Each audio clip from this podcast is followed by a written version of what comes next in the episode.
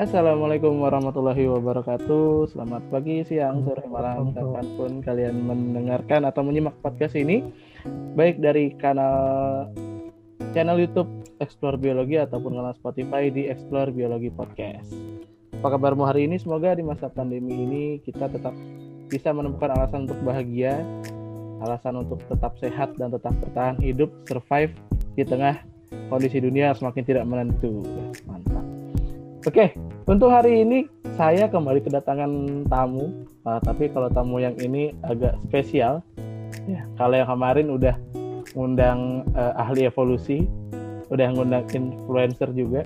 Nah, kalau ini panutannya anak-anak biologi UNJ. Wah, ada Mbah Helmi Romdoni. Eh, hai boleh Mbah Helmi? Eh, halo.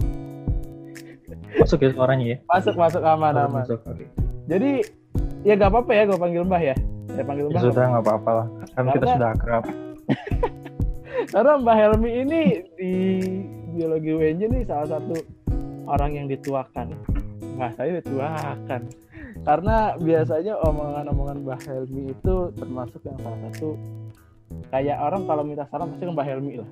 Gitu. dan biasanya sih bener. Ya juga sih. Oke, Mbah Helmi sekarang sibuk apa? Ya, ya. Ya nggak tahu lu mau ngapa? Lu sekarang sibuk apa? Oh, lu gue kira lu maunya apa gitu. ah, enggak sekarang sih lagi sibuk apa sih namanya? Lagi nyusun aja sih, lagi nyusun tesis buat sama persiapan bawa publikasi. Lagi sibuk gitu aja sih paling sama di rumah aja. Ya, gitu aja. Karena nggak ada aktivitas lagi. Udah ya apa sih kalau S2 namanya seminar proposal tesis atau apa? Waktu itu yang waktu itu Oh yang kemarin ya, kemarin itu seminar apa namanya? Seminar seminar hasil sih kemarin. Kalau kita waktu di S1 kan SHP ya. Hmm. Nah ini sama kayak gitu seminar hasil penelitian. Hmm, berarti jaraknya nggak nggak kayak S1 ya kalau S1 kan paling jaraknya cuma beberapa minggu tuh. Hmm? hasil sama langsung sidangnya. Kalau di S2 oh. kayak gitu. Uh, enggak, karena untuk untuk sekarang enggak sih memang dari dulu memang kebutuhan persyaratan untuk sidang itu adalah kita harus ada publikasi. Hmm. publikasi ilmiah. Jadi uh, kalau kita belum ada publikasi kita nggak bisa sidang. Meskipun untuk publikasinya terserah. Kita bisa apa namanya kita baru maksudnya kita baru apply apakah masih tahap review atau misalkan benar-benar sudah dipublish di jurnal gitu tergantung kita. Tapi ada juga sih yang dalam prosesnya itu dia ngerjain publikasi duluan. Baru seminar hasil habis itu langsung sidang. Ya bisa juga kayak gitu. Tergantung strategi dan kemungkinan yang bisa di kondisi sih tergantung kondisi juga dan strateginya aja sih sebenarnya. Beda-beda ada yang emang uh, harus datanya dulu semuanya dikelarin baru nanti seminar sem, apa seminar hasil baru publikasi. Ada yang ada ada yang juga yang publikasi duluan baru seminar hasil. Ya tergantung setiap orang beda-beda. Hmm, berarti tergantung orangnya dan tergantung penelitiannya kali ya? Ya tergantung hmm. penelitian juga dan kondisinya juga sih. Mungkin kan apa enggak.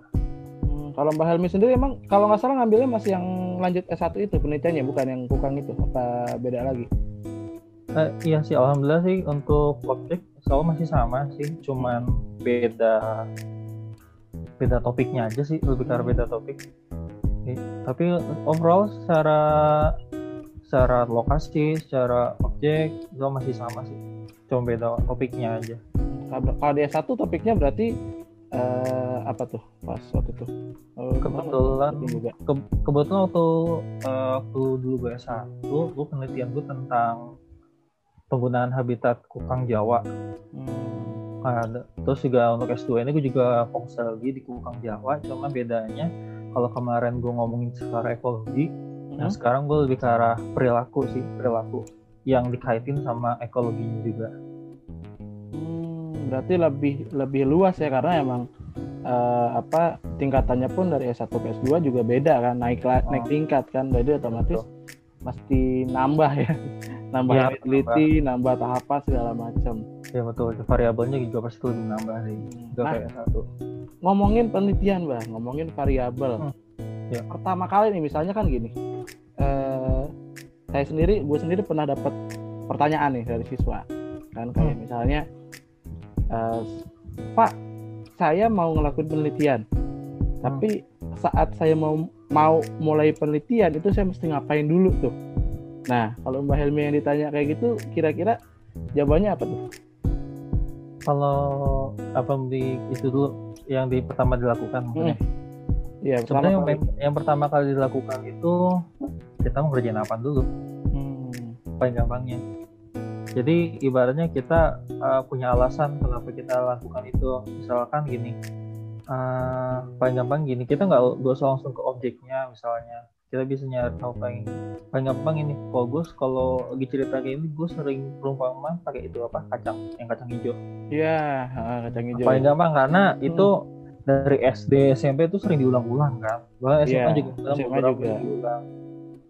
Gue pasti gini uh, misalnya ini pertanyaannya tumbuhan bisa tumbuh gak sih tempat gelap? Hmm. pertanyaan kan itu pertanyaan tuh terus misalkan tumbuhan bisa nggak sih hidup tanpa air? Atau butuhnya sedikit air? Tumbuhan bisa nggak sih kebanyakan air? Misalnya yeah. dulu pertanyaan dari situ dulu sebenarnya. Kita berangkatnya dari situ. Kita cari kita yang pengen kita tahu itu permasalahannya apa dulu? Misalkan tadi lu penasarannya apa? Bisa nggak? Misalkan tadi ya yang kacang hijau. Bisa nggak sih tempat tumbuh tempat gelap gitu? Tapi kita belum ngomong spesifik kacang hijau tuh. Kita ngomong hmm. tumbuhan dulu secara umum. Ya secara umum. Terus oke okay, kira-kira pakai tumbuhan apa ya hingga masih kita dapat di rumah? Hmm. bisa kacang hijau kan? Kalau enggak kacang tanah yang belum di itu yang belum matang ya tapi. Iya jangan yang udah matang. Enak buat makan dong. Iya udah makan itu. Misalkan uh, kacang tanah atau misalnya biji cabai atau biji tomat hingga pas kita dapat itu coba dari itu dulu sebenarnya. Terus kita taruh tempat gelap. Nah kalau tempat gelap tumbuh gak kita lihat kayak gitu. Nah terus uh, akhirnya kita pengen bandingin nih. Kalau misalnya tempat gelap ternyata tumbuh kalau tempat terang gimana tumbuhnya? Misal pengen lihat uh, cepetan tumbuh yang mana terus misalnya panjangan yang mana atau misalkan segeran yang mana. Nah itu kan nambah tanda kutip ya nambah variabel lagi gitu kan sebenarnya. Kalau misalkan di nanti belajar pasti ada variabel terikat sama variabel tetap gitu kan. Iya. eh variabel bebas, bebas. salah malam udah malam rekamannya begini emang maklum tadi habis ada ada course pas setengah jam jadi iya, makanya pas lihat isi storynya Mbak Helmi waduh dia orang hebat sekali saya bilang. Ini udah udah itu aja udah sempat terkatuk-katuk juga. Jadi gitu sih maksudnya kan nanti ada pak itu variabel kayak gitu. Jadi misalkan yang variabel apa? Entah tempat gelap ya tempat gelap berarti kan itu uh, sebenarnya kita banding variabel satu tempat gelap atau tempat terang nah itu variabel bebasnya Nah, yang terikat itu apa yang pengen kita lihat? Misalkan panjangnya, terus banyaknya daun, terus misalkan secara kualitatif atau secara sifat itu misalkan warna daunnya kayak gitu, seger atau enggak. Nah, itu misalkan lihat itu nanti mungkin akan teman-teman akan harus baca lebih lanjut lagi perbandingan kualitatif sama kuantitas eh maaf bebas sama terikat itu uh, ntar pasti ada itunya tujuannya lebih gampang. Menarik menarik. Tapi coba kita tarik dari awal dulu. Tadi kan dibilang kalau apa pertama kali itu kita mesti nyari rumusan masalah ya mbak ya? Hmm. tadi yang pertanyaan ya. Tapi justru terkadang eh uh, juga nggak tahu sih ya mungkin apa karena kita itu terlalu textbook terlalu cuman sumbernya dari buku nggak ngelihat lingkungan sekitar kadang-kadang kita justru justru kesulitan. Kayak misalnya kita selalu bilang jadi kalau misalnya mau ngelakuin penelitian awalnya tuh cari masalah. Gitu kan ya? Cari oh. hal yang ingin diketahui terus tiba-tiba ada yang anak yang bilang pak katanya hidup nggak boleh nyari masalah kok ini malah nyari masalah pak? Nah, nah ini anak apa sih dia bilang? Nah kiat-kiat coba coba mbak. Apa misalnya bagaimana sih biar kita kalau mau ngelakuin penelitian nih baik yang sederhana deh yang sederhana dulu supaya kita bisa nemuin masalah yang mau kita teliti. Karena kan kalau masalahnya udah dapat nih baru kita bisa nentuin variabel bebasnya uh-huh. yeah, variabel terikatnya gitu kan. Nah kiat-kiatnya deh mbak coba karena kan gue rasa kalau mbak Helmi sendiri ini udah paling mantap nih kalau masalah. Enggak juga sih. Uh, sebenarnya kalau misalkan mau dari mana kita mulai paling gampang adalah dari yang terdekat dari kita maksudnya gini uh, misalnya uh, teman-teman punya hobi bisa punya hobi atau misalkan kehidupan sehari harinya jadi nggak usah misalkan gini uh, teman-teman misalkan masih pelajar SMA SMA IPA itu misalnya. Mia ya kalau sekarang sebutannya MIPA MIPA MIPA ya? MIPA misalnya anak MIPA nah MIPA terus tiba-tiba uh, teman-teman pengen ngerjain kerjanya yang di ekonomi atau sosial kan teman-teman harus baca lebih ekstra kan maksudnya. Hmm. sama berseberangan gitu kan. Bisa jadi ada beberapa basic ilmu yang terluput atau ter terlewatkan. Makanya lebih baik misalkan di MIPA oke di MIPA oke di anak-anak MIPA nah anak-anak MIPA ini kebanyakan tuh pendengarnya SMA atau ya dan saya sih anak SMA kebanyakan menurut gue juga. Oh murid ya udah nggak apa-apa. Tapi ini ada hubungan sih SMA SM kuliah sama aja sih hmm, sebenarnya cuman beda level doang. Intinya sama sih cari sesuai bidang atau sesuai minat lo. Misalkan MIPA dan MIPA juga lo sukanya apa? Kan ada paling gampang misalnya ada matematika ada fisika ada kimia ada biologi misalnya. Kebanyakan sih orang kelihatannya biologi yang yang iya. anak-anak SMA ya. Misalkan lo minatnya paling gampang kita ngomong biologi aja karena kebetulan kan kita biologi ya. Hmm. biar gampang ini aja sih untuk pen, pendekatannya aja. Misalkan di biologi oke okay, gue sukanya biologi oke okay, di biologi Oke, di biologi sukanya di mana lagi? Harus disempitin lagi misalnya apakah di tumbuhan, apakah di hewan.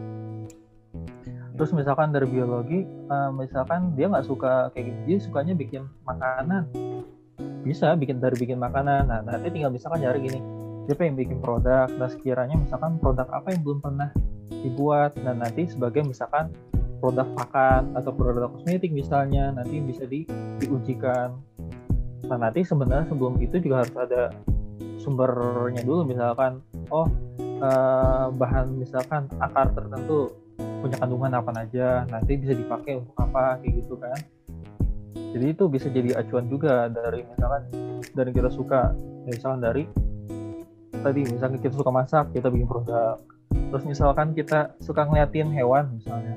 Yeah. Ya bikin penelitian perilaku hewan. Misalkan dulu gue pernah lihat ada anak di lomba nasional pernah lihat dia melihat perilaku semut misalnya. Eh. dia lihat jadi per, kecepatan pergerakan semut bisa dari titik A ke titik B setiap hari diukur kecepatan berapa. Tapi dia nanti kaitin sama uh, cuaca cuaca selama beberapa hari di saat itu. Jadi bisa jadi karena cuaca tertentu dia bisa pindahnya cepat atau misalkan ternyata dia pindah cepat gitu dan nah, besoknya ada hujan misalkan. karena kan ada yang ada yang secara mitosnya misalnya yeah. dibilang semut semut pin, apa pindah sarang itu berarti bakal ada hujan gede atau bakal banjir. Kan who knows gitu kan bisa jadi ya bisa jadi enggak. Nah itu juga perlu di kaji juga akhirnya dia pendekatan secara cuaca benar nggak sih kayak gitu? Dan kayak gitu. Misalnya suka berlaku hewan atau misalkan yang suka pengamatan aja oh sukanya lihat kupu-kupu ada kupu-kupu apa aja ya. Taman atau dekat rumah misalnya. Misalnya itu terus misalkan pendekatan kayak ke bidang lain. Fisika misalnya. Gue nggak begitu paham sih misalnya di fisika kayak gimana. Cuman pernah juga waktu itu uh, ada anak anak tingkat nasional dia buat penelitian itu mengukur secepat apa pengikisan di uh, candi Borobudur itu fisika bor Hah? itu fisika apa kimia gitu bu. Uh, uh, atau matematika gitu bu lupa. Hmm. antara dua itu. Jadi ceritanya nih bocah uh, uh, ngukur kan Borobudur itu kan banyak pengunjung ya banyak yeah, yeah. Nah kan ada gesekan antara sepatu dengan uh, batu. Batu batuannya. Nah, uh, nah itu dia uh, ngukur kira-kira uh, seberapa banyak yang kekikis misalnya dalam sekali orang ya sekali hmm cek itu berapa detiknya berapa tebal terus kira-kira akumulasi misalkan rata-rata dalam satu hari dalam satu tahun. Nah kira-kira dalam satu tahun itu pengurangannya berapa banyak? Kayak gitu itu nah, itu anak SMA SMA wow. Misalnya contohnya. Keren keren keren. Ya benar benar jadi sebenarnya kalau menurut gua pengamatan gua hmm. bahkan gua sempat ngomong sama pernah ketemu wakil dekan waktu wakil wakil dekan wakil rektor di univ di daerah Garut itu gue pernah sempat ketemu kebetulan ketemu hmm. ngobrol aja sih sebenarnya. Gue bilang uh, pak kenapa ya maksudnya? Gue curhat gitu maksudnya kenapa mahasiswa itu kok cenderung nggak bukan nggak kreatif ya mereka cenderung udah takut duluan gitu. Beda sama anak SMA kalau kalau nanti lu misalkan nanti teman-teman di SMA atau misalkan teman kuliah ada misalkan pameran saintifik gitu pameran ilmiah yang ada lomba tingkat, tingkat nasional yang finalnya anak SMA atau SMP nah itu biasanya lebih keren keren keren. Idenya ya maksud gue idenya masih out of out of the box kali ya? Ya kebanyakan hmm. masih out of the box kebanyakan dan kita mungkin ya yang teman-teman kuliah itu udah kepikiran ih ntar metodenya gimana ntar ribetnya ini gimana gitu. Sedangkan untuk mereka kan kepuasan batin. Iya benar. Mereka ngejar kepuasan batin. Kalau di kita kan mungkin ah gue pengen cepet lulus. Ambil penelitian yang gampang ambil datanya gampang biar tepat waktu ya. Nah misalkan itu alasannya. Sebenarnya tapi kalau misalkan emang itu alasannya lu suka why not? Gitu kan iya benar benar. Benar nggak? Nggak masalah. Dan itu kita nggak bisa menyalahkan. Karena itu keputusannya masing-masing ya. Cuman kalau secara pengamatan gua itu tadi anak-anak SMA itu idenya lebih liar lebih gila lah lebih keren lah menurut gua. Buat gue kayaknya anak-anak kuliah malah ya gitu-gitu aja. Karena kalau kalau anak kalau udah masuk kuliah apa kadang-kadang kita malah terba merasa terbatas bidang ilmu nggak sih yes betul iya benar ya. Kan kalau anak SMA tuh dia karena apa namanya mata pelajaran atau objek masih luas kan kayak paling baru fisika kimia biologi matematika gitu kan. Jadi hmm. mungkin diambil lintas ilmu dia masih bisa. Kalau kuliah kan pasti misalnya oh ini pembimbingnya si uh, dosen botani. Ya berarti kita ke botani, botani. Ada, gitu kan. Nah, sedangkan kalau anak-anak SMA kan ya sakarepmu lah gitu maksudnya. Hmm. gue mau kerjaan apa yang penting gue suka gitu kan. Sebenarnya kuliah juga bisa aja cuman tinggal pinternya tanda kutip ya misalkan nyari yang ngebimbingnya aja sih hmm. sebenarnya lebih karena itu. Beda itu doang sih. Itu sih maksudnya. Tadi kalau misalkan gimana kita nyari ide yang pertama itu cari yang kita suka dulu sebenarnya. Hmm. kita jangan nyari jauh-jauh. Apa yang kita suka kalau nggak sehari masalah sehari-hari aja asalkan itu tadi misalkan yang dekat sama kita yang kedua gitu kita harus peka sih sebenarnya. Maksudnya ya lu nggak harus ngamatin terus kita ngeliatin enggak. Karena yang namanya kepekaan itu bukan suatu hal yang harus dicari terus enggak. Hmm. pasti uh, secara tidak sadar gitu. Ada yang juga nggak sadar oh oh ya kenapa nggak gini ya? Kenapa nggak gini ya? So jadi ibaratnya kayak Isaac Newton aja kan yeah. ya gara-gara apel jatuh kan. Jadi nggak mikirin ini gara-gara kenapa ya? Kayak gitu. Enggak kan? Hmm. kadang malah dari hal-hal yang spontan ya atau yang ya betul. nggak nggak disangka-sangka gitu kan. Hmm. asalkan kita tadi pekaknya aja di situ. Misalkan ada satu hal gejala terus kita berpikir itu kira-kira kenapa. Kalau kita oh ya udah biarin aja ya udah lewat gitu masalahnya nanti. Jadi kita nggak bakal kepikiran punya masalah itu. Yang terakhir sebenarnya itu adalah sering baca sih. Benar. Atau mungkin nonton atau mungkin nonton intinya sih perkaya sumber kali ya. Ya perkaya sumber. Hmm. cuman ya itu tadi sumbernya kalau bisa di bisa dipertanggungjawabkan. Karena ada beberapa sumber kan ibaratnya ya lo maaf ya gini. Sekarang kita di media sosial kita banyak kan uh, info ini info itu kayak gitu nah itu bagus sebenarnya jadi acuan ah, bukan jadi acuan jadi trigger utama. Trigger pertama trigger, perta trigger yang pertama ya. boleh. Cuman nanti untuk lebih lanjutnya kita harus baca lebih lanjut maksudnya. Jadi dengan sumber-sumber bisa dipertanggungjawabkan. Karena kalau misalkan kebanyakan uh, teman-teman kita mungkin di SMA ya itu masih wajar kan mesti belajar. Cuma bahkan teman-teman kuliah masih ada yang kayak gitu. Sumber dari blog dari Wikipedia yeah. gitu. Sedangkan dari blog itu sendiri sumbernya nggak bisa bertanggung jawabkan. Ya, blog itu kan Wikipedia mm, opini pribadi doang kan? Nah, kebanyakan gitu kecuali memang dia menyantumkan sumbernya dari mana. Hmm. Jadi kita nah, ambil sumbernya ya. Nah, Wikipedia juga boleh, cuma jangan langsung blog dari Wikipedia, tapi lihat sumbernya. Dia Jadi kan Wikipedia ada sumbernya tuh. Hmm, yang paling nah, bawah ya.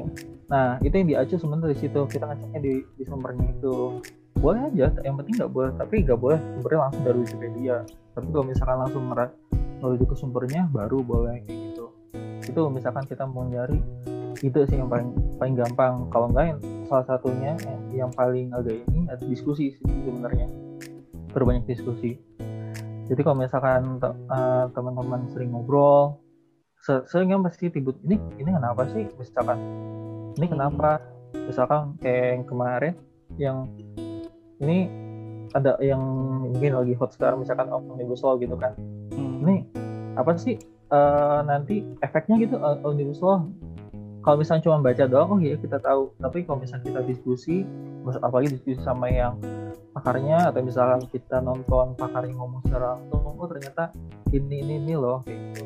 jadi dengan adanya diskusi uh, itu akan lebih mendukung kita untuk mencari masalah.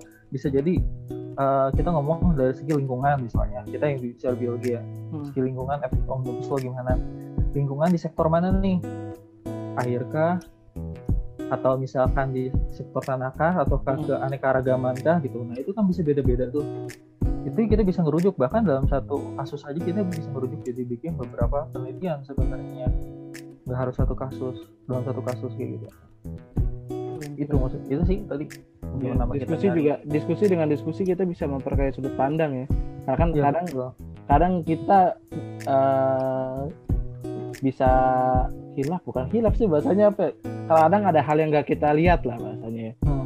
jadi dengan diskusi bisa memperkaya sudut pandang. Menarik menarik. Ya, tadi oke okay, berarti tadi udah uh, apa namanya kita udah dapet uh, rumusan masalahnya variabel bebas serikat sudah bisa kita tentukan nah kita mau melaksanain penelitian ya. uh, gini deh simpel deh pertanyaan simpel deh hmm? uh, penelitian itu kan kalau ngomongin penelitian itu ngomongin konsistensi kita kan masalah kita ngambil datanya segala macam gitu kan ya yeah. kalau Mbak Helmi sendiri pas penelitian apalagi topiknya itu itu juga gitu kan masih dalam satu topik besar yang sama misalnya tadi kan dari yang awalnya meneliti ekologinya si kukang Jawa terus dikembangkan jadi perilaku Jawa uh, perilaku si kukang Jawa itu kan yang iya. berarti ya. secara garis besar topiknya mirip-mirip karena objeknya sama pernah ngerasa bosan nggak ngelakuin penelitian yang sama gitu atau apalagi dalam waktu yang lama uh, sebenarnya itu tergantung manajemen ya hmm. Pertama manajemen. Yang kedua itu adalah kita harus tahu konsekuensinya dalam penelitian itu. Uh, jadi dari jadi gini kita tahu konsekuensi gini. Kalau misalkan gue main di kukang gue konsekuensinya apa? Gue harus begadang kurang tidur. Ya, karena dia nah, nokturnal kalau kan? misalkan gue hujan malam ya dia nokturnal. Jadi kukang itu dia hewan nokturnal atau aktifnya di malam hari. Siang tuh dia tidur. Jadi kita nggak bisa ngambil data. Bisa ngambil data tidur mah bisa cuman kemudian kebetulan fokus gue bukan ngomongin tentang tidur dia misalkan itu kukang gor semalam misalkan teman-teman mau ngerjain apa namanya uh, bikin produk makanan hmm. ya teman-teman harus berjibaku di dapur nyari sumber nyari sumber apa? Nyari bahannya terus misalkan ngetes ke apa responden enak apa enggak? Itu ada konsekuensinya kan. Terus misalnya uh, kalau misalkan kerja di lab di lab terus misalkan yang kerja di bakteri itu misalkan harus ngecek satu jam sekali dua jam sekali. Nah itu udah konsekuensi. Jadi uh, sebelum kita melakukan satu hal kita harus tahu konsekuensinya dulu. Apa ya baik itu hidup bahkan ini dalam penelitian pun kita harus tahu konsekuensinya gimana. Terus dari sisi manajemen sebenarnya kalau tadi dibilang jenuh uh, bosan ada ada pernah ada titik bosan tapi lebih titik bosan lebih ke arah gini uh, saat gue udah ngambil data terus nih. Hmm. biasanya habis ngambil data itu males malah data. Hmm. kenapa? Karena udah jenuh dulu. Gue pengen yeah, break dulu kan emang emang bagus jangan terlalu lama karena nanti hilang uh, hilang ya? Feelnya hilang. Terus juga kita manusia kita butuh istirahat misalkan. Misalnya gue ambil data itu uh, eh, gue di lapangan itu bisa bisa dalam seminggu itu hampir enam hari enam hari di lapangan ke lapangan maksudnya bukan di lapangan ya ke lapangan. Hmm. karena kebetulan gue ada base camp jadi ke lapangan pulang ke lapangan pulang. Uh, terus manajemen lu gini sebenarnya. Lu ngambil data misalnya terus pulang lu istirahat tidur. Nah misalkan gue siang pagi mau ngapain? Hmm. jam mau ngolah data apa masukin data atau kamu tidur lagi? Atau misalkan gue lagi jenuh nih mau apa masukin data ya udah lu refreshing. Refreshing apa? Atau misalnya jalan-jalan atau belanja atau gimana. Jadi yang yang semaksimal mungkin lu gimana caranya lu ngambil data tetap mood gitu. Yang pertama. Yang kedua uh, untuk jaga mood itu dan juga kesehatan juga uh, lu butuh break namanya. Bahkan dalam penelitian lapangan itu kita nggak bisa benar-benar uh, terus ngambil data dalam maksudnya terus-terusan gitu. Iya. iya terus-terusan cuma maksudnya kita, kita masih kita butuh istirahat. Setidaknya misalkan gua dalam seminggu itu dalam tujuh hari ada satu hari break free gitu maksudnya terserah lo mau ngapain. Dan kita komit kita nggak ngambil data. Misalnya Iya. kecuali ada event ya mau nggak mau kita ikut gitu kan. Jadi tergantung ma- semanajemen lu aja gimana caranya nggak jenuh. Dan kalau misalnya lu jenuh ya itu kan udah konsekuensi itu kerjaan lu gitu kan.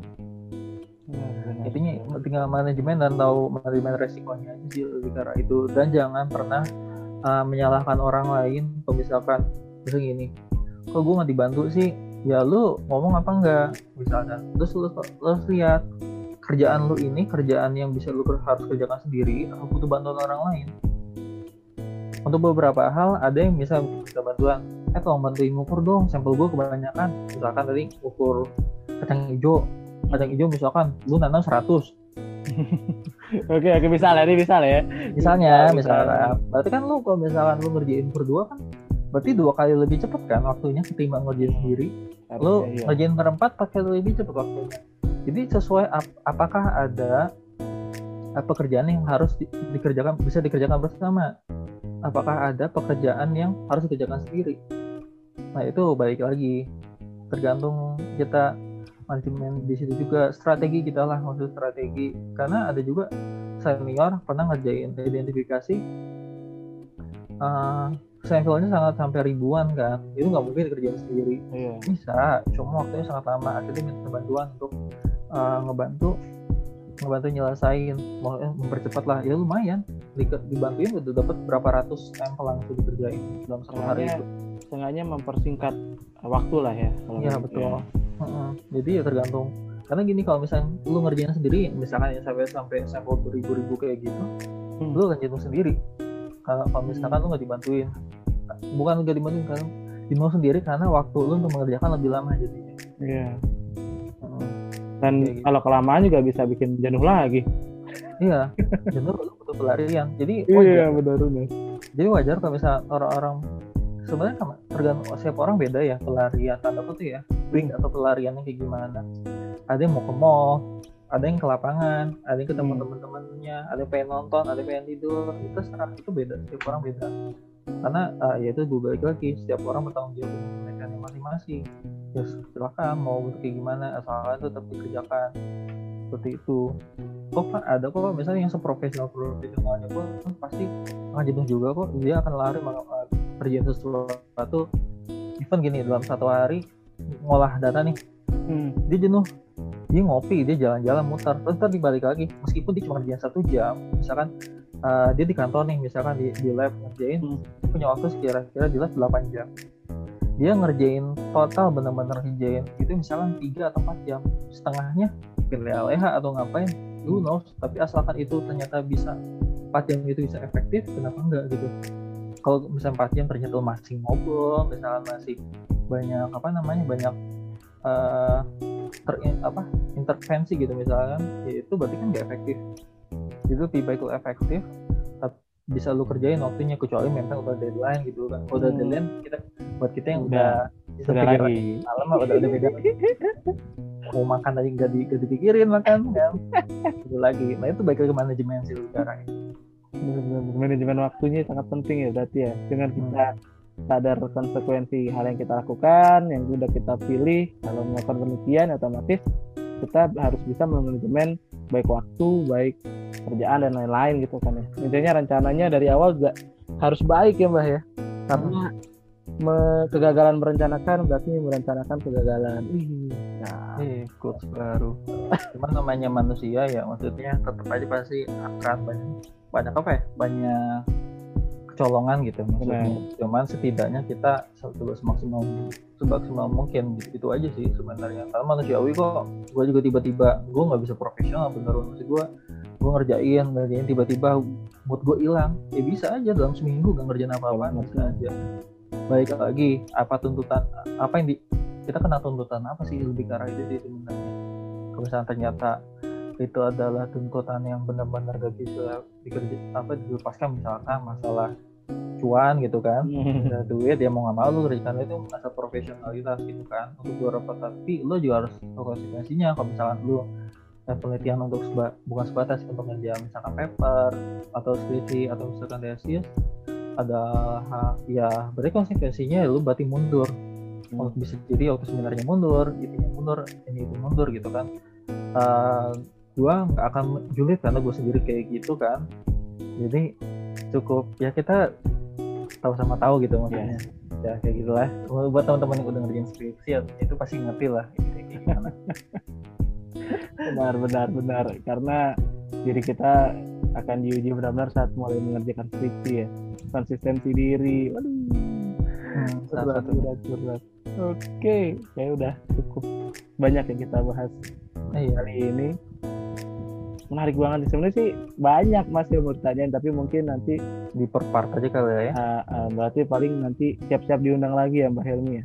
Oke okay, insya Allah. Oke terima kasih Mbak Helmi yang sudah ya, sama-sama. ya saya ganggu waktunya. Sama apa-apa. Terima kasih juga untuk yang udah uh, dengerin episode kali ini. Semoga bermanfaat buat kalian kalau misalnya ada yang uh, terinspirasi mungkin mau nanya-nanya tentang topik penelitian tertentu bisa ke saya atau ke Mbak Helmi. Instagramnya apa Mbak Helmi? Uh, Instagramnya at my name is Helmi. Eh, at my name is Helmi. Itu foto-fotonya bagus-bagus. Mantap. Oke. Okay. Wah, iseng aja lu bagus sih pada gue. Oke oke. Jadi terima kasih buat udah datang. Ya, semoga bermanfaat untuk kalian. Uh, dengarkan juga episode-episode sebelumnya dari uh, Explore Biologi Podcast. Semoga kita tetap waras, tetap sehat, tetap terjaga di masa pandemi ini. Sekian, wassalamualaikum warahmatullahi wabarakatuh. Waalaikumsalam warahmatullahi wabarakatuh. Terima kasih semuanya.